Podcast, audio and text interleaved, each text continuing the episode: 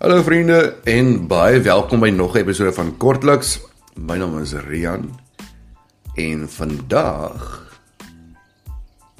ek weet jy weet kan hoor nie. Maar ek kan hoor. Ek hoor die waterval hier in my kantoor. Hier by my huiskantoor. Hier is 'n visstenkie langs my. En ek kan die water hoor val in die visstenk. Ek hou van visse. Ek hou van visvang wanneer ek wel 'n vis kan vang. maar ek het net die visstenkie langs my. En vanoggend dit dink ek net weer aan. Die visse is baie bang vir my. En ek ek ek, ek, ek het gehoop hulle gaan nou 'n bietjie gewoond wees aan my teen teen hierdie tyd.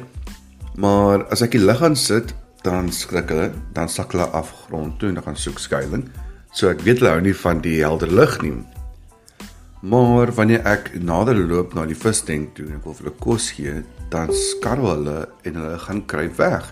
En dit is nie vir lekker as hulle gaan wegkruip nie, want dit is reg mooi visies. Ek vra kyk hoe hulle lyk.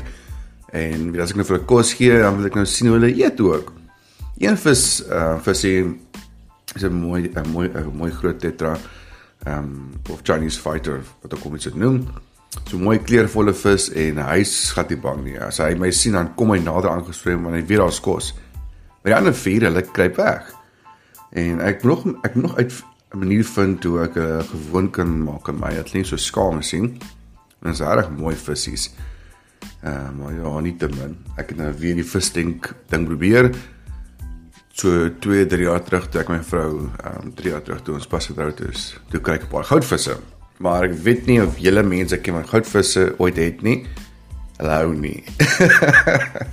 Dis is die eerste vis wat ons kry as jy 'n vis wil hê en as dit nie meer vir jou werk nie of as hy doodgaan dan flas jy miskien met toilet af of iets as hy dood.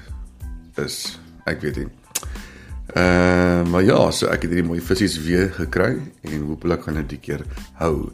En hulle het nog nie dood gegaan nie. Hulle het nog nie dood gegaan nie, so is 'n goeie ding.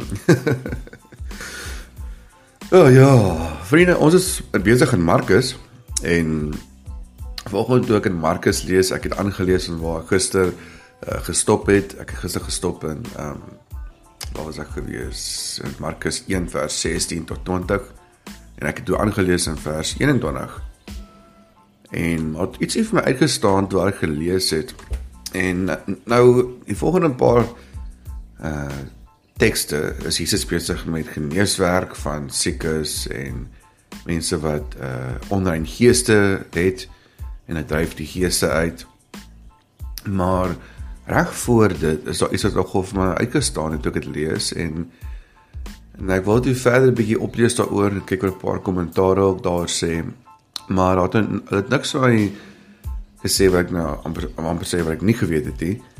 Ehm um, maar ek gaan nog net 'n bietjie self net vlugtelik daarop uitbrei en vir jou wys wat vir my gestaan het. In Markus 1:21 lees ons: Hulle het in Kapernaum aangekom. Toe Sabbatdag aanbreek het Jesus reguit na die sinagoge toe gegaan en die mense daar begin leer. Hulle was verstom oor sy leer want hy het hulle geleer soos een wat gesag het en nie soos die skrifgeleerdes nie. En dan daarna gaan hy aan en dan begin hy om die geeste uit uh uitdryf en soos die mense gesond maak, raak hy al hoe meer populêr en bring al die siekes na hom toe dat hy later nie meer kan rondloop nie. Julle dorp kom na hom toe en dan verdwyn hy net na nog 'n sterre plek waar hy weer rustig kan preek. En die gedagte net wat ek hierso uit daar wat vanoggend vir my uitstaan, is die gedagte dat Jesus het mense geleer soos een wat gesag het. Jesus leer met gesag. Jesus se woorde, hy praat en wanneer hy praat, praat hy met gesag. En hulle vergelyk hom met die skrifgeleerdes. En die tussen die Bible Knowledge Commentary en Matthew Henry Commentary praat hulle oor hier oor die gesagssituasie en sê dat die Jesus het die Sabbat onderhou deur elke Sondag, elke Sabbat in die tempel bymekaar te kom.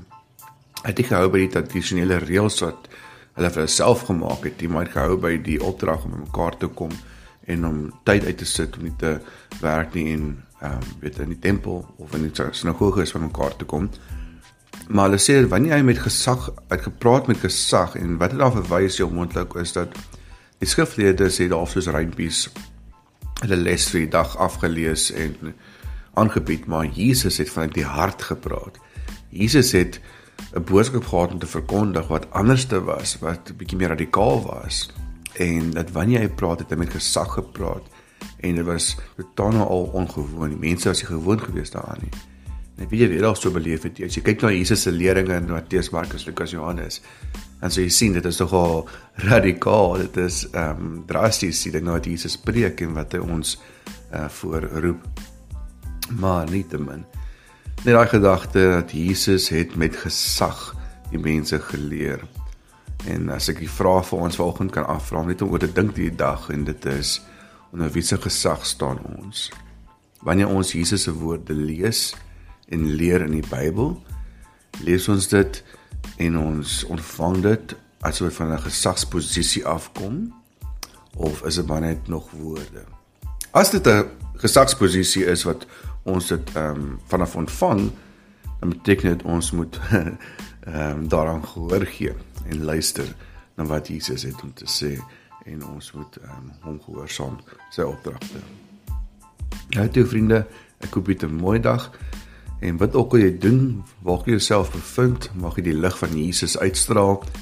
Mag die Here jou bemoedig, mag hy jou krag gee en mag hy vir jou wysheid gee wat jy ons met mense werk by die werk waar ook jy jouself bevind dat ons alles kan doen tot eer van sy naam. Amen. Amen. Mooi dag vir jou. Tot volgende keer. Totsiens.